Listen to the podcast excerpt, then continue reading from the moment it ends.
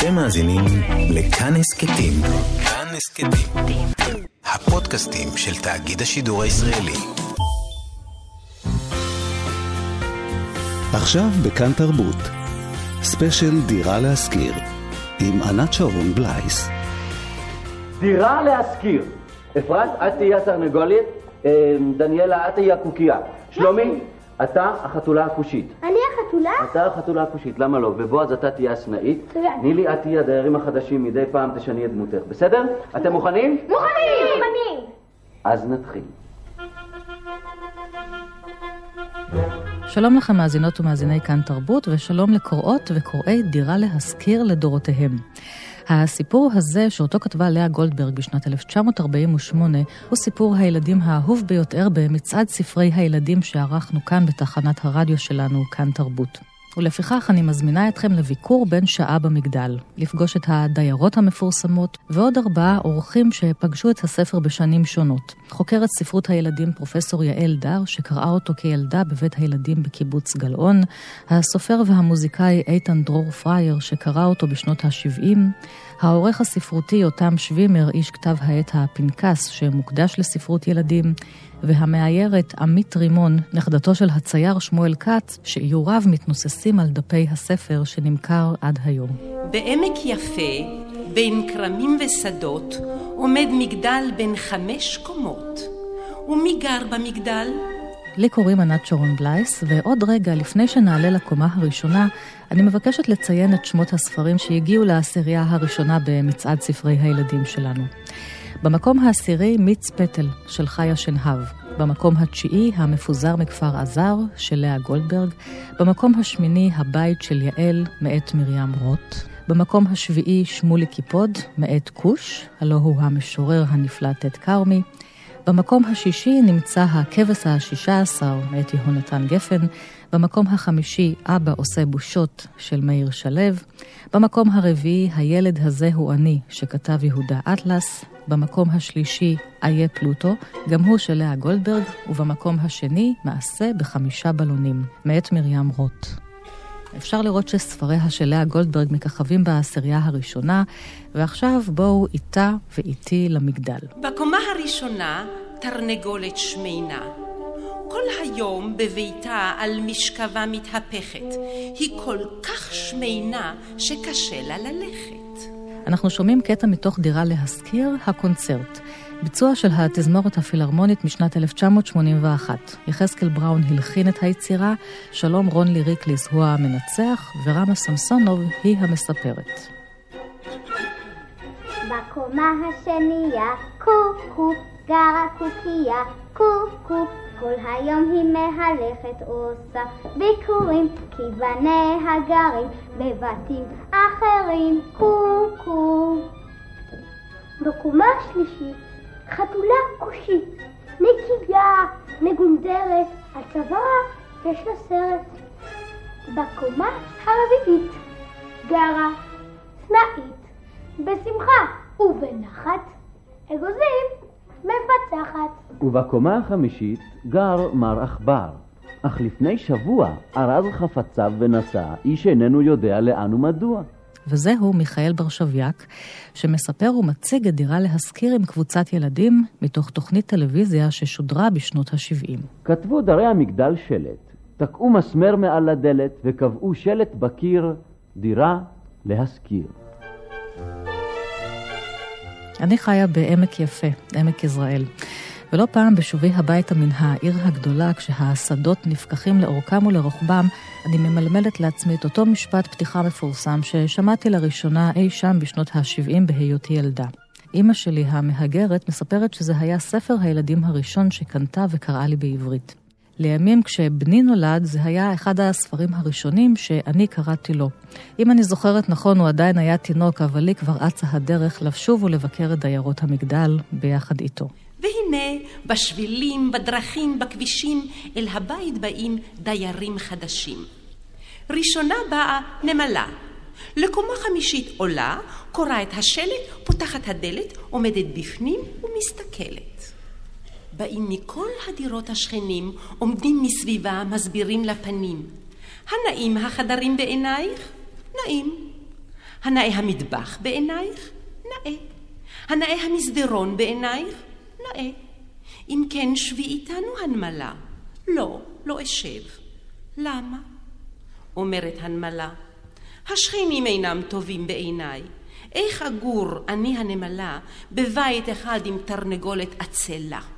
כל היום על משכבה מתהפכת, מרוב שומן קשה לה ללכת. נעלבה התרנגולת, והנמלה הלכה לה. דיירות המגדל של לאה גולדברג רואות אור לראשונה במהלך מלחמת העצמאות ב-1948 מעל דפי העיתון משמר לילדים, כשהן מלוות את הקטנים עם מסר חינוכי בדבר קבלת האחר והשונה בניחוח בתי הילדים שבקיבוץ. אמנם המילים תרנגולת שמנה וחתולה כושית צורמות לנו היום בעידן הפוליטיקלי קורקט, אבל דווקא מי שכתבה בשפה הזאת, שלא הייתה טהורה, היא זו שעשתה את השינוי המשמעותי ביותר בספרות העברית, וצריך לזכור זאת. הפרסום השני של דירה להשכיר התרחש כעשור אחר כך, בשנת 1959. אז הוא הופיע כספרון קטן בהוצאת ספריית הפועלים, ועדיין הקריאה בו הייתה קריאה חינוכית שהתאימה לימי כור ההיתוך, הדיירים הוותיקים שנדרשו לקלוט את העולים החדשים. יש אומרים כי הסיפור יצא שוב באותה השנה בעקבות אירועי ואדי סאליב בחיפה, על רקע ההתקוממות של העולים מצפון אפריקה על היחס שלא זכו, במרכאות, מן הממסד האשכנזי הקולט. הלכה הנמלה, באה הארנבת. חיש מהר עולה לקומה אחרונה, קוראה את השלט, פותחת הדלת, עומדת בפנים ומסתכלת. באים מכל הדירות השכנים, עומדים סביבה, מסבירים לה פנים. נאים החדרים בעינייך? נאים. הנאה המטבח בעינייך? נאה. הנאה המסדרון בעינייך? נאה. אם כן, שבי איתנו, הארנבת. לא, לא אשב. למה? השכנים אינם טובים בעיניי. איך אשב פה? אין לי עשרים ארנבות עם קוקייה מפקירת הבנים. כל בניה גדלו בקנים זרעים. כולם זובים. כולם מופקרים. מלא כך ילמדו מהם ילדיי. נעלבה הקוקייה, והארנבת הלכה לה.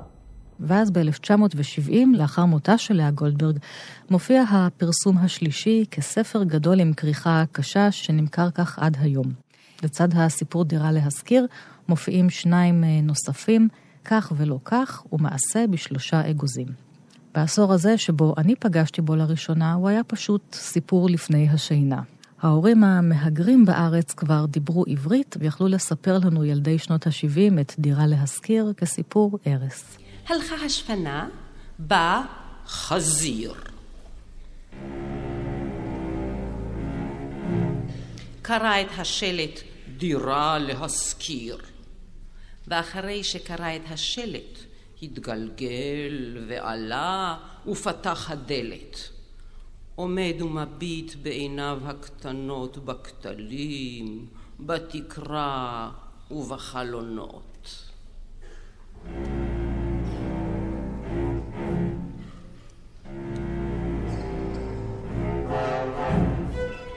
באים מכל הדירות השכנים, עומדים סביבו ומסבירים לו פנים. הנאה הדירה בעיניך? נאה. הנאה המטבח בעיניך? נאה המטבח, אף כי איננו מלוכלך. הנאה המסדרון בעיניך? נאה. אם כן, שב איתנו. לא, לא אשב. למה? השכנים אינם טובים בעיניי.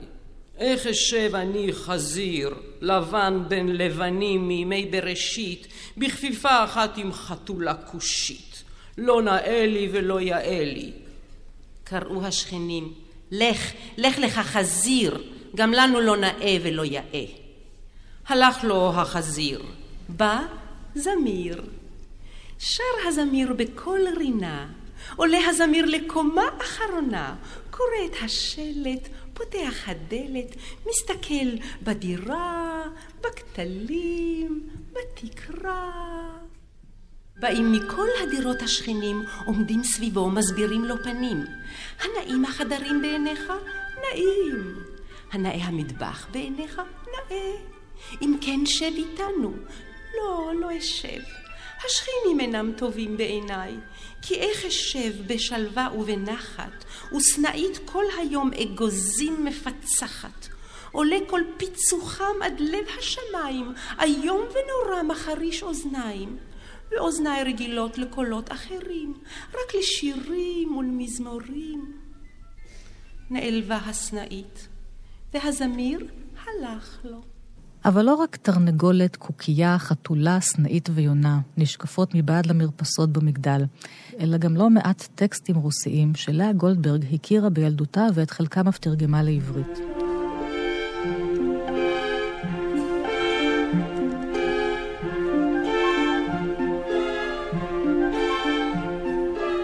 זכוכיות שונות בסיפור דירה להשכיר, מגלות עוד ועוד טקסטים שמסתתרים בו. ואם נלך עוד אחורה עד לספר בראשית, נוכל לראות את אותו מגדל בין חמש קומות כהד למגדל בבל.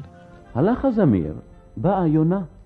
חיש קל עלתה לקומה אחרונה, קוראה את השלט, פותחת הדלת, עומדת בפנים ומסתכלת. באים אליה כל השכנים, עומדים מסביבה, מסבירים לה פנים. הנאים החדרים בעינייך? החדרים? זרים. הנאה המטבח בעינייך? נאה המטבח, אך אינו מרווח. הנאה המסדרון בעינייך? המסדרון אפל, מרובה בעצל. ובכן, לא תשבי איתנו? אשב ואשב, בחפץ לב, כי השכנים טובים בעיניי. התרנגולת, טובת קרבלת, הקוקייה יפהפייה, והחתולה כל כך נקייה. והסנאית בעלת אגוזים יודעת לחיות חיים עליזים. רואה אני כי נוכל לחיות ביחד. בחברה טובה, בשלום ובנחת. שכרה היונה את הדירה, ויום יום הומה היא בחדרה. כך, בעמק יפה בין כרמים ושדות, עומד מגדל בן חמש קומות, ובמגדל גרים עד היום שכנים טובים חיי שלום. שלום לפרופסור יעל דר, ראש התוכנית למחקר תרבות הילד והנוער באוניברסיטת תל אביב. שלום, שלום. מיד אני רוצה לומר הבית של יעל, אבל אנחנו נדבר איתך על אה, בניין אחר לחלוטין היום. ולפני שניכנס אל המחקרים שעשית על הסיפור המופתי הזה, החוויה שלך, מתי את פוגשת את דירה להשכיר בפעם הראשונה? את זוכרת? אני אה, נזכרת איך פירשתי את זה כילדה. אה, מבחינתי דירה להשכיר כילדה היה סיפור שפאר את הקיבוץ שנולדתי בו. כלומר, אה, בניין שנטוע בין כרמים ושדות, שזה ברור שזה בקיבוץ, שמפאר מין, את יודעת, מין חברה קומונלית שיודעת בסוף אחרי אה, ניסיונות חוזרים ונשנים, יודעת לחיות אה, בשלום ו... ושלווה. בעמק אין בדרך כלל בניינים בני חמש קומות, נכון. וגם לא בקיבוצים. יש בתים נמוכי קומה, שמככבים בספרים אחרים של נכון, גולדברג. נכון, זה היה מס שפתיים שגולדברג נקטה בו, כדי שהסיפור הזה אה, יתאים למולות הקיבוצית, זה הרי יצא בפעם הראשונה בכלל במשמר לילדים. אז זהו, בפעם הראשונה נעשה סדר. בפעם הראשונה הספר הזה רואה אור אה, במהלך מלחמת העצמאות, אנחנו מדברים על 1948, בשבועון הפוליטי של אה, מפ"ם לילדים, משמר לילדים. עם כן. האיורים של רות שלוס, זאת הפעם הראשונה, וכפי שאת אומרת, הספר הזה בכלל פונה לקהילה קיבוצניקית מאוד קטנה. בהקשר הזה של האכסניה אה, שערכה את הסיפור, וגם בהקשר של האיורים של רות שלוס, שבאמת ציירה בסוף, את הסוף הטוב, היא ציירה, זה ממש נראה כמו איזה מין בית ילדים. עשר שנים אחר כך, ב-1959, הוא רואה בעצם פעם ראשונה אור בין אה, דפים של אה, ספרון. נכון. ואז זאת אומרת שהקריאה הופכת להיות אה, קריאה ממלכתית יותר, אוניברסלית. אנחנו מדברים על השנים הרבות של קליטת עלייה. יש פה עולים ותיקים שמקבלים את העולים החדשים, יש פה את התנגשות התרבויות שמנסים להמיס אותה באותו כור היתוך, והכל בא לידי ביטוי בין השכנים, או ארבע השכנות שמקבלות את הדיירים החדשים סלאש עולים חדשים, או עולות חדשות. כן, נכון. כך זה נקרא אז אה, ללא ספק. תמיד יש כמה רבדים של פרשנות. רק שיש, בכל תקופה יש את הרובד הדומיננטי שלה, כן? אבל זה לא... בשנות החמישים נורא ברור שכשמדברים על מישהו זר שנכנס לבניין וצריך אה, אה, להתקבל על ידי הקבוצה, כנראה מדובר על אה, אה, עולים חדשים. ופה אבל... גם אה, יש את, הס... את הסיטואציות אבל של הדברים הלא יפים שאומרים הדיירים הפוטנציאליים, או הדיירים, הדיירות הוותיקות. זאת אומרת, זאת נכון. שמנה, זאת עצלנית, זאת שחורה מדי, זאת מרעישה, זאת מזמרת זמירות עדינות. הנה ההבדלים התרבותיים. נכון, ומה שיפה כאן, ושאת בעצם מצביעה על זה, זה שגולדברג בעצם הטילה אה, גם על העולים החדשים, גם על האחרים, אה, אחריות של היקלטות. כלומר, זה לא רק אנחנו צריכים ללמוד איך לקלוט ולעזור אה, לעולים החדשים להתאקלם, אלא גם הם צריכים אה, להימנע מסטריאוטיפים שהם מביאים איתם. ואני חושבת שמבחינה הזאת היא, אה, היא הייתה אחרת. אבל זה המקום של המחיקה התרבותית, שבשנים האחרונות אנחנו רואים את, ה, את הזעם עליה. נכון, כן. ולאה גולדברג אומרת, אה, לא, זה, זה לא אה, רק אה, סכנה, אין כאן רק סכנה של אה, מחיקה תרבותית, אלא גם ההפך. כלומר, אה, גם העולה החדש צריך להיות פתוח לקבל תרבות אחרת ולהבין אותה בעין חיובית. ולא אה, על ידי אה, שלילתה המיידית. אז אני חושבת שמהבחינה הזאת, היא נתנה כאן איזשהו מתכון אחר לקליטת עלייה, משהו הרבה יותר אקטיבי מכל ה... אצל כל הנוגעים בדבר. עכשיו, אנחנו מדברים על לאה גולדברג, שהיא גם מתרגמת ידועה מרוסית, ואת כותבת uh, על השפעות של ספרות רוסית. ובין היתר את מזכירה סיפור uh, עממי ששמו הביטן הקטן, שגם הוא מלא בחיות, שהם תמיד וגם משל... וגם אותו תרגמה, ואותו תרגמה גם גולדברג, כמובן. נכון, כן. זאת אומרת, אין ספק שהיא הכירה אותו. כן. וזה... שגם שם יש חיות, רק שם זה מסתיים בצורה טרגית, לא בצורה הרמונית. כן, וגם שם זאת אלגוריה, במובן הזה. בעצם זה, זה סוג של ביקורת נגד המשטר הדורסני, אה, אבל אה, השימוש הזה באלגוריה כדי אה, גם להגיד משהו חתרני, בהחלט נעשה כאן גם. את גם מציינת את זה שעם כל הרצון לאותו כור היתוך, לכל פרט יש את המקום נכון. שלו. זה וזה, נורא וזה נכון. מתעצם, תכף נדבר על זה בפרסום השלישי ב-1970. Mm-hmm. אני חושבת שלכן היא הייתה צריכה מגדל. את uh, uh, שאלת למה, למה היא צריכה לנטוע מגדל שהוא כל כך לא אופייני uh, לעמק. כן. היא רצתה מגדל כדי לאפשר גם uh, לכל אחד מקום משלו. בתוך הביחד יש לכל אחד מקום משלו. אז אנחנו מדברים כאן על הקריאות הפוליטיות החברתיות, וב-1970 הספר רואה אה, פעם ראשונה אור אה, בהוצאת ספריית הפועלים, כספר לכל דבר, עם עוד שני סיפורים של לאה גולדברג שמצורפים אליו.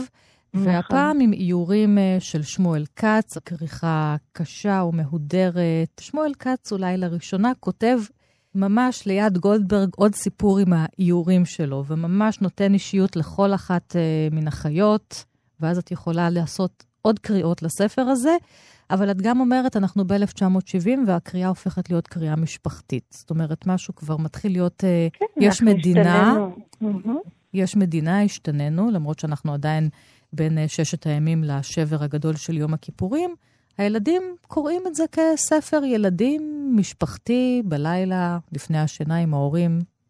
לא צריך לעשות פה יותר מדי אה, רזולוציות סוציולוגיות. אה, אפשר לעשות רזולוציות סוציולוגיות בוודאי, אבל בתוך ההקשר הזה, ולא בהקשר של אה, מערכת חינוך כן. של הקיבוץ, אלא בתוך המערכת המשפחתית. אבל באמת התא המשפחתי הפך להיות... בעצם זה בתהליך אה, הדרגתי, אבל בשנות ה-60 ובטח בשנות ה-70 הפך להיות המקום אה, הכי אה, מובן מאליו שבו ילד נמצא, זה המקום הבטוח, והקראת סיפור זה כמעט כמו איזה מין טקס שחוגג את ההורות הזאת, המזינה והמגוננת. כל המושג הזה של סיפור לפני השינה אה, הגיע אצלנו מאוחר. העניין הזה שהורה מוציא מהמדף, מוריד מהמדף ספר ויושב וקורא לילד שלו בעברית, זה קורה יותר מאוחר, לוקח זמן. ואיך את מסבירה את זה שעד היום הוא אחד הספרים האהובים כבר אה, 70 ויותר שנים? אני חושבת שבאמת יש בו המון, אה, אה, המון סגולות. קודם כל הלשון, זה, זה, זה כל כך אה, מוזיקלי וכל כך אה, נעים להקראה. אה, יש שם גם איזה מבנה פנימי כזה, זה ממש מין איזה כמעט מתמטיקה. את יודעת, מתמטיקה לפעוטות, מין חמש קומות, והמבנה הזה, גם כשמבינים אותו, אז נורא ברור שהולך להיות קליימקס בסוף. כל הדברים האלה אה, יוצרים אה, תענוג גדול. ומעבר לדבר הזה, זה אותו אה, ריבוי פרשנויות שדיברתי עליו בהתחלה, אה, שאפשר להוציא מהסיפור הזה כל כך הרבה פירושים וכל כך הרבה מסקנות, וכשאני קוראת אותו כשאני בת שלוש, לעומת אה, אה, כשאני קוראת אותו בת חמש, אני יכולה למצוא בו דברים אחרים לגמרי. עד כדי כך שהיום אה, אפשר לקרוא בו ממש קריאה אה, מגדרית, כי בסופו של דבר, בסוף זה קומונה של נשים. נכון. נהדרת. את זוכרת, ו... כמי שקראה אותו אחר כך אה, לילדים, איך את קראת אותו, או שאלות שנשאלת עליו, או איזה שהן כן, הערות? ו- משהו בטח. מעניין שאת יכולה לחלוק איתנו? לסיום? קודם כל, אני חושבת שמשהו שמאפיין אה, הרבה אה, הורים אה, מהדור שלי, כשקראנו קלאסיקות לילדים שלנו, זה שאנחנו שמענו את המבטאים של ההורים שלנו תוך כדי ההקראה שלנו. את יודעת, כשאת, באמת כשחוזרים למשהו שאת שמעת כל כך הרבה פעמים, אז את ממש שומעת את המוזיקה של זה. אז אני ממש זוכרת את עצמי פוגשת את אימא שלי ואת הקול של אימא שלי ואת המבטא אה, הכבד האמריקאי של אימא שלי, תוך כדי זה שאני מספרת לבנות שלי, שזאת חוויה מדהימה. שלנו כישראלים זה די חדש, כי אין לנו קלאסיקה רחוקה. ההורים שלנו, שלי, לא היה להם קלאסיקה, שהם הם לא פגשו את ההורים שלהם שם כשהם קראו לנו.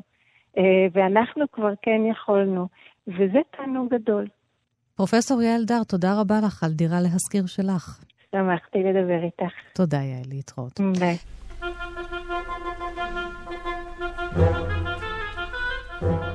כאן תרבות, ואנחנו בתוכנית מיוחדת על דירה להשכיר. הסיפור של לאה גולדברג שהגיעה למקום הראשון במצעד ספרי הילדים שערכנו כאן בתחנת הרדיו שלנו. בעמק יפה, בין כרמים ושדות, עומד מגדל בן חמש קומות. ומי גר במגדל? שלום ליותם שווימר, עורך כתב העת שכולו מוקדש לספרות ילדים, הפנקס. שלום, מה נשמע? מי אם לא אתה תדבר איתנו על דירה להשכיר, ספר הילדים האהוב ביותר, גם אז וגם היום. נכון. למה, נכון. יותם, למה? נכון, שאלה טובה. אני ניסיתי אה, להיזכר בזיכרון הראשון המשמעותי שלי מהספר, כשהקריאו לי אותו בתור ילד. ולנסות להבין למה, אה, למה אהבתי אותו אז. אז אה, אני חושב שמה אה, שעלה לי יכול להסביר במידה מסוימת, מבחינה אולי רגשית יותר, את הסיבה ללמה למה הספר הזה ממשיך להיות כל כך אהוב. ואני דווקא רוצה להתחיל בזה שאני אהבתי פחות את הסיפור הזה, אני אהבתי יותר את כך ולא כך. הסיפור השני בתוך הקובץ של שלושה סיפורים שהיו במהדורה של 1970, ובסיפור כך ולא כך הוא בעצם מין סיפור הפוך. ענת שמה מתקנת את הציורים המבולבלים של אבא שלה, וילדים מאוד אוהבים את ההיפוך. הם מזהים אותו בקלות, הם מזהים את הפוטנציאל הדרמטי ואת הפוטנציאל הקומי של ההיפוך. כן, אז ו... רק נאמר למאזינות ולמאזינים, הסיפור כך ולא כך, סיפור נוסף שיש בקובץ הזה, שמכונה סימבו דירה להשכיר כך ולא כך, וגם הסיפור מעשה בשלושה אגוזים. הסיפור כך ולא כך, שהוא לפי מעשייה של הסופר הרוסי צ'וקובסקי, אז כאמור, יש אבא ובת, שקוראים לה ענת כאן, בתרגום אה, שלה, ב, ב, במילים של לאה גולדברג. הוא מצייר לה ציורים לא אפשריים, כמו אפרוח שמטיל אה, את אה, ביצה עם תרנגולת, או עכבר שרודף אחרי חתול, או איש ואישה שיושבים על השולחן לאכול כשבעצם הסכו"ם על הכיסא, וענת כל הזמן... ברור שענת, כן, איך לא? לא מתקנת לו. ברור שאני מכירה לפרטי פרטים, מתקנת לו את הציורים.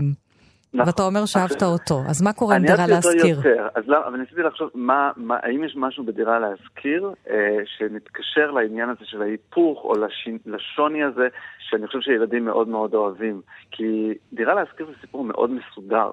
לפי קומות, והתגובות של השוכרים הם על פי הדמות בסדר עולה של קומות, ובאמת זה ספר שבנוי מבחינה אה, ארכיטקטונית אה, בצורה מאוד מאוד מסודרת וברורה. אבל יש שם איזה משהו מפתיע. אה, בעצם במקום שהדיירים הם אלו שיפסלו את השוכרים הפוטנציאליים האלו שמגיעים למגדל, השוכרים הם אלו שמעבירים ביקורת על הדיירים הקיימים. ואני חושב שבלי להכיר פוליטיקת שכירת דירות, משהו במהלך הזה מפתיע. זאת אומרת, אנחנו באמת מצפים שמי שיעביר את הביקורת, או מי שלא יקבל, או מי שיהיה לו משהו להגיד, יהיה מי שנמצא כבר במקום היציב, במקום הקבוע שלו. זה ועדות הקבלה של ימינו. ועדות הקבלה, בדיוק. בקיבוצים, למשל. נכון, למשל. ופה זה הפוך. ובמובן הזה, אה, באמת אני חושב שיש פה איזשהו דבר שמפתיע עבור הילדים, שמי שנמצא פתאום בעמדת הכוח, דווקא מי שבא למגדל, ולא מי שכבר משוקע והמקום שלו כבר קבוע, ויש בזה משהו שמערער, בלי להבין את כל הפוליטיקה של המבוגרים, מערער את הסדר הקיים. ואני חושב, אני זוכר שאותי זה כן הפתיע, וכשחשבתי באמת על הסדר הקיים הזה, שמאוד מאוד אה, אה, ברור כבר מהיררכיות אה, של, אה, של ילדים קטנים, הם גם כן נמצאים באיזה מין מצב היררכי מול אנשים אחרים, ודאי מול המבוגרים. אז ניסיתי לחשוב באמת, האם יש פה גם איזה עניין אה, מותח בתוך הסיפור הזה. כי אנחנו רגילים לחשוב באמת על דירה להשכיר בשנים האחרונות, ודאי במונחים הפוליטיים של ה, שהטקסט הזה מעורר, אבל סך הכל זה סיפור עליז, סיפור אה, צבעוני כזה, סיפור ססגוני עם כל מיני דמויות אה, ככה אה, מאוד מאוד איקוניות, אבל בעצם יש משהו מאוד מאוד מותח בסיפור הזה. ואני חושב שהמתח נובע ממר עכבר. מר עכבר, אני אזכיר למי שלא אה, זוכר, מה שכתוב עליו, הוא היה הדייר בקומה הגבוהה ביותר, החמישית. החמישית, כן. והמשפט שאומרים על מר עכבר הוא, אך לפני שבוע ארז חפצה ונסע איש אינו יודע לאן ומדוע. זה משפט נהדר, ממש ממש נהדר, כי הוא משאיר איזה מסתורין אה, שמרחף ככה מעל הסיפור, ובעצם אה, כל העלילה מתובלת באיזה מתח עדין, ו, ובדיעבד אני חושב גם באיזושהי תחושה קצת אפלולית. כי יש פה איזה מין, שוב, שינוי וערעור של הסדר הקיים, של הסטטוס קוו הזה שהיה במגדל, פתאום הוא התערער. כן, גדל, ואם אנחנו עושים ו... לזה קריאה סוציולוגית שגם עשו לה, גם בהקשר התרבותי-היסטורי של הדיירים, או הדיירים הוותיקים, ותיקי הארץ שאמורים לקבל את העולים, הדיירים החדשים, אז יש פה כביכול היפוך, העולים החדשים לא מוצא חן ביניהם לאן שהם הגיעו. בדיוק, יש פה איזה משהו שמערער פה ושומט בעצם במידה, במידה רבה את כל מה שאנחנו אה, יודעים על איך שהעולם הזה אמור להתנהל. והיא כותבת. את זה בסוף שנות ה-40, כשזה mm-hmm. הפרסום הראשון, היא בעצם, אם היא כותבת מין משל על הגירה, אז נכון. המהגרים נמצאים פה אולי בלית ברירה? בדיוק, אנחנו מכירים את, אה, את לאה גולדברג ככותבת שהושפעה מאוד מאוד משתי המולדות. כן, אה, כאב שתי המולדות. בדיוק, ו... והיא עסקה המון גם, גם ביצירה שלה לילדים, ודאי בשירה שלה, אה, בפרובלמטיקה שאי אפשר לפתור אותה. אה, בתור מהגרת. ואני חושב שאחד הדברים היפים זה שהיא אף פעם לא הניחה משהו, אה, זאת אומרת, תמיד הכפילות נמצאה שם. מצליח ללכוד כל כך הרבה רגשות אנושיים בתוך הדבר הזה שכולנו שייכים אליו במידה כזו או אחרת, של הגירה, באמת. הזכרנו גם את הפרסום השני שלו ב-59, באותה שנה גם מתרחשים אירועי ואדי סאליב, עולי צפון אפריקה שמתקוממים לראשונה נגד הקליטה של האנשים שמגיעים מארצות צפון אפריקה, מאסיה, המזרחיים לצורך העניין, ואדי סאליב בחיפה. ואז ההוצאה מזדרזת להוציא את הספר הזה. נכון. כי מה, ש... מה הם יכלו לעשות בו, העולים המתקוממים ובצדק? עכשיו, אני לא יודע אם הטקסט הזה ראה אור בתקופה, בזמן הזה, אה, בהשפעה או כחלק מה, מהלך הרוח של אותה תקופה. זה אני לא יודע לומר, אבל אני כן יכול לומר שאחת הסיבות, אם אנחנו עוסקים בלמה הוא הצליח לשרוד וכל כך להצליח לאורך השנים, זה שבכל נקודה בזמן אה, ובהוואי החברתי והפוליטי של ישראל, אה, ניתן לקשר אותו למשהו, זאת אומרת, הוא תמיד אקטואלי. וכיוון שאנחנו, מה לעשות, עדיין נמצאים במידה כזו או אחרת אה, באותה, אה, עם אותם קשיים ועם אותם קונפליקטים אה, של זהויות ומגזרים בחברה הישראלית, הסיפור הזה תמיד רלוונטי, הוא תמיד אקטואלי, ולכן גם תמיד כן. כותבים עליו, תמיד מצטטים אותו, תמיד מזכירים אותו, בין אם זה בעניינים תקשורתיים. תגיד, מי קרא לך, או קראה לך את הספר הזה? אתה זוכר? ההורים שלי, שניהם. שניהם, גם אבא וגם אמא? כן, אבל אני זוכר שגם אני קראתי אותו לבד. בשלב מאוחר יותר, אני מניחה. בשלב מאוחר יותר, כן. יש לך איזושהי חיה מועדפת? אה, לא, האמת שלא, אין לי חיה מועדפת. אני כן, בגלל שניסיתי, לח... כמו שאמרתי מקודם, על, אה, על מר עכבר, שככה נמצא, מרחב שם מעל, אה, אני חושב שמשהו באמת, יותר מכל חיה, משהו ב, ב, נוכח נפקד הזה שלו, אה, הכי משך אותי והכי עניין אותי. כי אני חושב שבאמת, אה, גולדברג גם לא רוצה שאנחנו נזדהה עם אף אחד מהם. הם כולם טיפוסים. זאת אומרת, כיוון שזו גם אלגוריה, אין פה את הממד הזה של הזדהות. אנחנו לא צריכים להרגיש קרובים לאף אחת מהדמויות. אה, לכן גם יש להם אפיונים מאוד ברורים ויש להם תפקיד מאוד ברור בתוך המערך הסיפורי. אנחנו לא אמורים להיקשר אליהם. ואני יודע שזו אולי מין תשובה קצת מתחכמת, אבל כן הייתי אומר שמשהו ב, ב, באמת נמצא, לא נמצא הזה של מר עכבר שמרחף מעל הכל, הכי, הכי משך אותי בתור ילד. יותם שווימר, תודה לך. בשמחה, תודה רבה. להתראות, ביי ביי. להתראות. עכשיו בכאן תרבות, ספיישל דירה להשכיר, עם ענת שרון בלייס. שלום לעמית רימון, מאיירת, והנכדה של שמואל כץ, מי שאייר את המהדורה האחרונה עד כה של דירה להשכיר שראתה אור ב-1970. שלום עמית. שלום. אז הידיים של סבא שלך עברו אלייך. הידיים, העפרונות. אה, כן, אפשר אולי להגיד את זה. מתי את פוגשת פעם ראשונה את דירה להשכיר? דירה להשכיר ועוד הרבה מאוד ספרים שהוא אייר וציורים שלו, זה... זה היה בבית מאז שנולדתי, ולאורך השנים, ככל שאני מספרת ליותר אנשים שזה סבא שלי צייר את דירה להשכיר, ואני רואה את התגובות שלהם, אז זה לאט לאט נבנה אה, לאורך השנים ההבנה של מה המשמעות של הדבר הזה. איזשהו זיכרון שלך, כשפותחים את הספר ואת רואה בפתח הספר את הסנאית שתולה את השלט דירה להשכיר והחתולה שמתבוננת בה. זיכרון ספציפי על זה, שהוא היה מגיע פעם אחת לבית ספר ומעביר איזושהי הרצאה לכיתה, זה היה אולי בכיתה ב' או ג', אה, והוא העביר אה, כזה הרצאה לכל הכיתה וסיפר להם וצייר לנו על הלוח. דיברת עם סבך, עם שמואל כץ, על העבודה שלו? חוץ מאותו שיעור בכיתה. לאורך כל השנים הוא תמיד היה קונה לי, כי אהבתי תמיד לצייר, הוא היה קונה לכולם, אבל אני זאת אני, אמ, תמיד הוא קנה לי אה, אה, בלוקים של ציור והמון המון צבעים, אבל אמ, לצערי הרצון שלי גם לאייר ולשאול אותו את כל השאלות החשובות האלה, זה היה רק אחרי שהוא נפטר. איך את uh, פותחת היום את הספר ומסתכלת על האיורים, על הסגנון? בואי נפתח ממש את הספר, נראה את אותו מגדל בין חמש קומות, שזה באמת סוג של בניינים שאין פה בארץ, יש באירופה, המקום שממנו הוא הגיע כשורד שואה. נתחיל אפילו עם המגדל הזה שהוא בוחר אה, לצייר אותו. קודם כל, באמת, בספר הזה יש, אה, יש השפעה מאוד גדולה של, אה, של אירופה. באמת, גם בבנייה של הבניין הזה, של המגדל, שהוא באמת כמו איזושהי טירה מתוך אגדה אירופאית, ומצד שני, הסגנון שלו, יש בו משהו שהוא מאוד מאוד מקומי, ישראלי, ובעצם השילוב הזה יוצר, אה, יוצר איזושהי אווירה קסומה, של משהו שהוא לא פה ולא שם, הוא יכול להיות בכל מקום. כן, הם נכנסים פנימה והוא גם צייר את הפנים של, ה, של אותה דירה להשכיר, אז uh, רואים איזה מין uh, מטבח או מין מסדרון כזה, זה כבר באמת נראה יותר שייך לתקופת הצנע הישראלית, נכון. מאוד דל. נכון. זה כבר לא הטירה שרואים מבחוץ שנראית מאוד מפוארת. נכון, יש את, באמת את הטירה הזאת, ובפנים זה כבר בתים ש, שאנחנו מכירים מהארץ. המעיירות הקודמות, אה, רות שלוס הראשונה ושושנה היימן השנייה, הם ציירו באופן מאוד אה, פשוט את, ה, את אותן חיות שמתגוררות אה, בבניין, ושמואל כץ אה, מצייר להן בגדים. הוא ממש נותן להן אישיות לכל אחת מהן.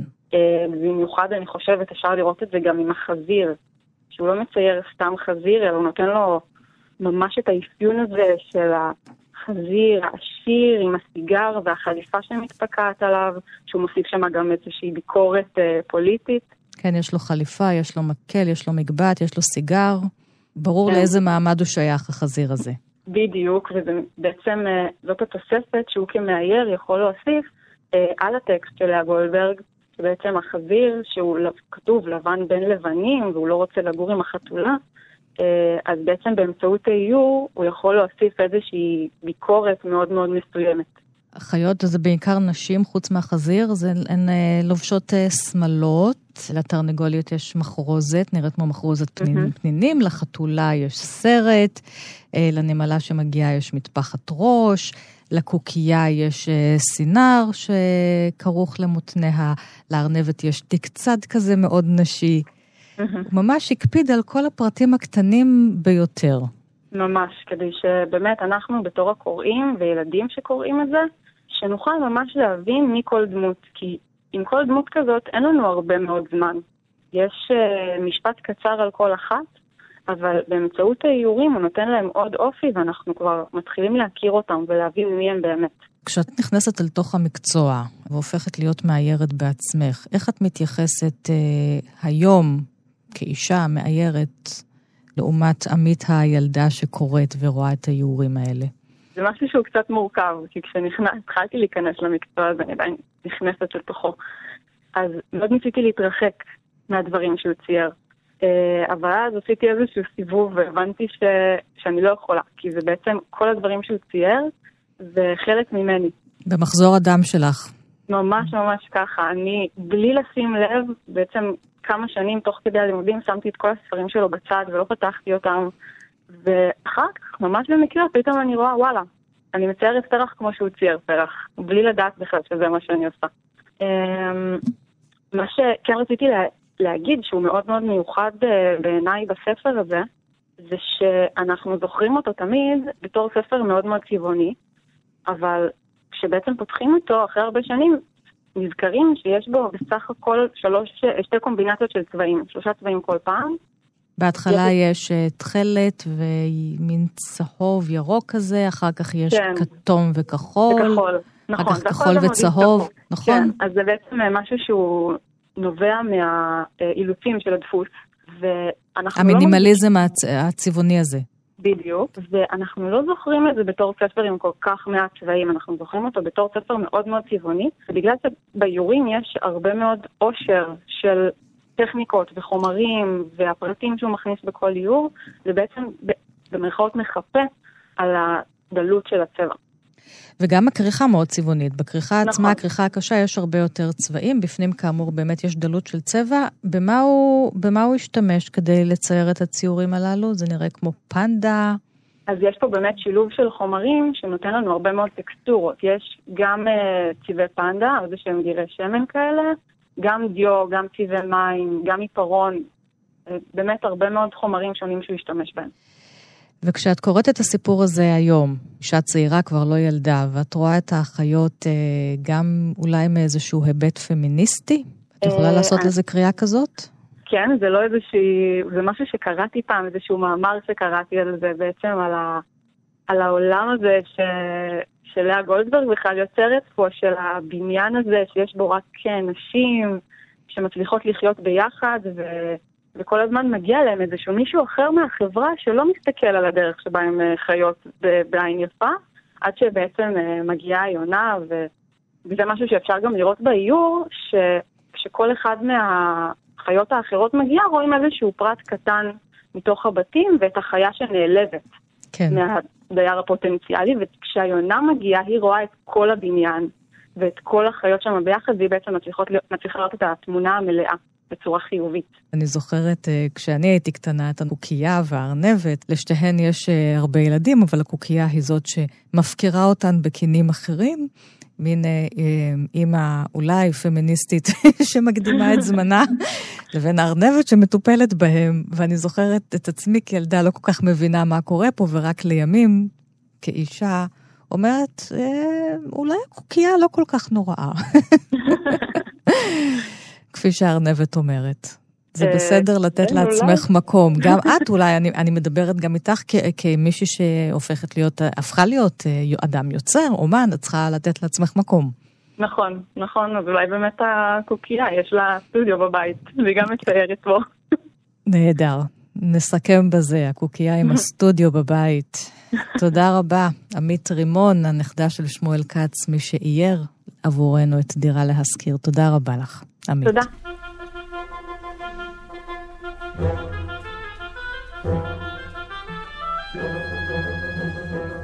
כתבו דרי המגדל שלט, תקעו מסמר מעל הדלת וקבעו שלט בקיר, דירה להשכיר. בעשור האחרון פרסם הסופר והמוזיקאי איתן דרור פרייר שני ספרים שראו אור בהוצאת עם עובד, ובהם מופיע לפרקים הסיפור דירה להשכיר. בנובלה ששמה כיכר היונים יש בחור צעיר שמתמודד עם אובדן הזיכרון של אביו המזדקן. הוא עוזב את הבית, שוכר חדר, ובשלב מסוים נזרק מן החדר ההוא ומגיע אל הרחוב. בסיפור "ומי גר במגדל", שמופיע בספרו השני, חוזר המספר אל ילדותו בבניין מגורים, אל השכנים השונים, ובעיקר אל שתי שכנות, שפרה ומרגלית. בעלה של האחת מנהל רומן עם האחרת, והמעשה הזה משפיע על כל דיירי הבניין ועל הילדים שבדיוק קוראים דירה להשכיר. הוא מגר במגדל, הוא לא חיכה לתשובה. בכניסה השנייה, בקומה הראשונה, דייר מנומס, המטפל בגינה. בקומה השנייה, באותה כניסה, אישה שפרצופים כל היום היא עושה, בעיקר לבעלה, אבל גם, כמובן, לאימא של ניר, הפלצן הצעיר. שלום לסופר ולמוזיקאי איתן דרור פרייר. שלום. נתחיל מהדירה להשכיר שלך. מתי אתה זוכר? מתי אתה פוגש אותה? פעם ראשונה? אני זוכר את הספר מהילדות, אם כי זה לא משהו שהקריאו לי. אבא שלי ישב איתנו עם uh, הכרכים של דוקטור דוליטל, הוא היה קורא בגרמנית ומתרגם לעברית. אז דירה להשכיר אני חושב שקראתי לבד. את יודעת מה, לפני כמה ימים ישבתי עם חבר ו- וככה דיברנו על מי גר במגדל, ואמרתי לו, אתה, אתה, אם תשאל אנשים ברחוב, או אם תשאל אנשים בכלל על מי גר במגדל, הם ידעו מאיפה זה בא. זאת אומרת, הדבר הזה הוא ב-DNA שלנו. כן. והוא אמר לי, מה, אתה אולי יודע, מי אתה חושב שיודע? ועברו שתי בחורות ברחוב. הוא אמר, סליחה, אפשר לשאול אתכם משהו? והוא אמר לי, אתם יודעות מאיפה המשפט ומי גר במגדל? כן, מיד, שתיהן אמרו, מיד, דירה להשכיר. אצלך הוא הוכנס לך לתוך הכתיבה שלך, כמו איזה כן. דיבוק. לגמרי. אני, את, את יודעת, השאלה הזאת, מי גר במגדל, מופיעה בעצם פעם אחת בספר. זה לא כמו, לא כמו הדבר שחוזר על עצמו, הנעים החדרים בינייך. ובכל זאת היא, היא, היא, היא נמצאת אצלי בלב.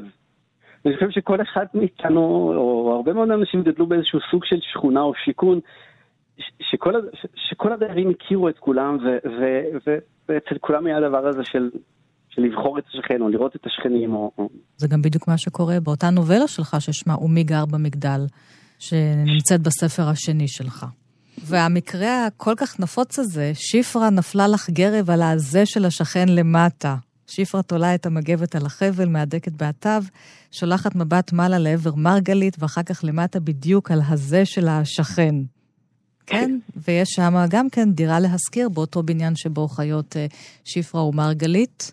כן, אני יכול לדמיין שלחתולה נופלת איזושהי גרב לדירה. על הזה של התרנגולת. כן, על הזה של התרנגולת. מה שאני רוצה להגיד, או מה שאני חושב זה שהדירה להשכיר הזה הוא קצת ביוגרפיה. של המדינה הזאת, של השכונות בארץ.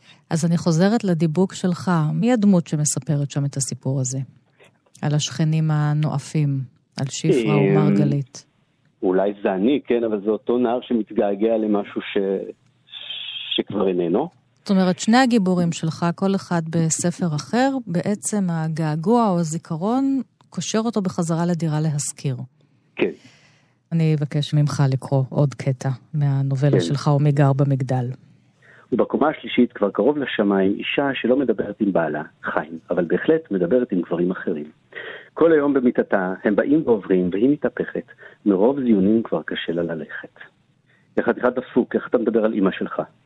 לא צריך לדאוג לה. רוי נשכב לאחור ואת גבעול השיבולת דחף לאוזן של ליאת. מרגלית לא תצטרך לסבול אותי עוד הרבה שנים, טוש. אבל את אוהבת אותי, נכון? אתה כבר יוצר לעצמך מין מגדל כזה שבו כאמור יש אה, שקרים, והשכנים אה, פחות הרמונים ויותר נואפים זה עם זה, וככה זה משפיע על, ה, על הילד שמספר את הסיפור. את הסיפור, כן. אני מוצא איזשהו קו משותף בין, ה, בין ההשלמה, בין הסגירה הנעימה הזאת בדירה להשכיר והמבט הנעים של היונה על כל חיי, איך היא מוצאת את הדבר הטוב. גם ב"אומי גר במגדל שלי", שאחרי כל השנים ואחרי כל הסכסוכים ואחרי כל המריבות, בסופו של דבר השכנות יכולות להיפגש לי קפה ו... ו- ולחבק אחת את השנייה ממקום חדש או ממקום מכיל.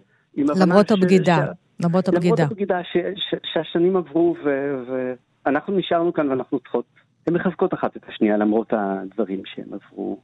אה, בעצם היונה באה ומחזקת את כל הדיירים, היא נותנת להם איזשהו כוח, היא מוצאת את הדבר הטוב.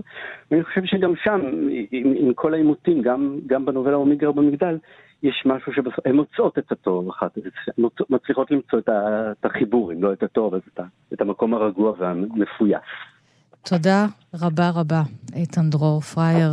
הדירה להשכיר שלך נמצאת כאמור בשני הספרים שלך, גם בספר האצבעות על הגבעה, ששם בסיפור כיכר היונים, אותו בחור צעיר שנזרק מדירתו נזכר בדירה להשכיר, וגם בנובלה ומי גר במגדל, שנמצאת בספר השני שלך. תודה.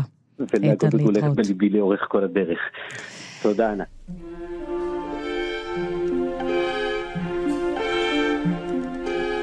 ועד כאן מאזינות ומאזיני כאן תרבות. הטיול המשותף שלנו הוא בעמק יפה בין כרמים ושדות במגדל של לאה גולדברג. תודה רבה לנדב נוימן שערך את מצעד ספרי הילדים של כאן תרבות.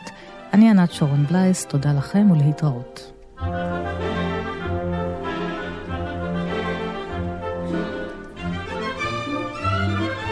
כך בעמק יפה, בין כרמים ושדות, עומד מגדל בן חמש קומות, ובמגדל גרים עד היום שכנים טובים, חיי שלום.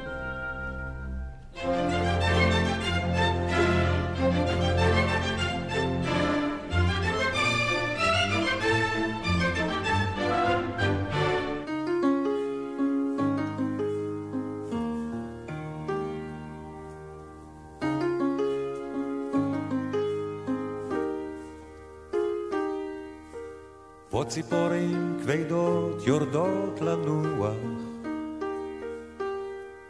על אילנות כהים קינטות היום. ובשדות קצורים טועה הרוח. על שובל הרקיע האדום.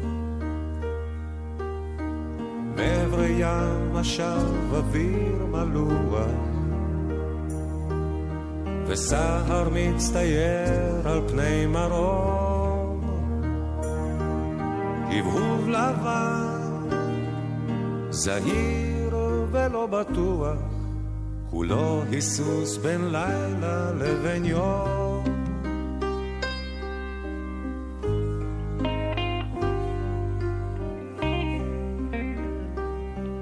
זו שעת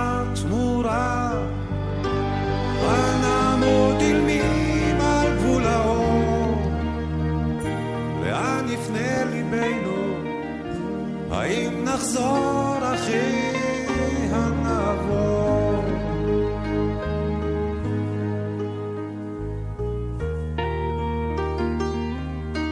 כל החידות שחדו הימים. שחקים כאלה מחדש יאירו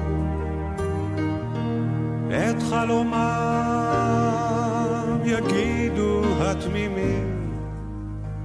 והפיקחים את פתרונם יסתירו ושוב יטבול ליבנו בדמים וחרדות של שווא שומרות כל צער ושוב אתה שואל, שואל שלא נדע כל החידות שחדו הימים. אחי, אחי, איך נעמוד אילמים על גבול האור? אי דרך לפנינו, האם נחזור, אחי, הנעבור?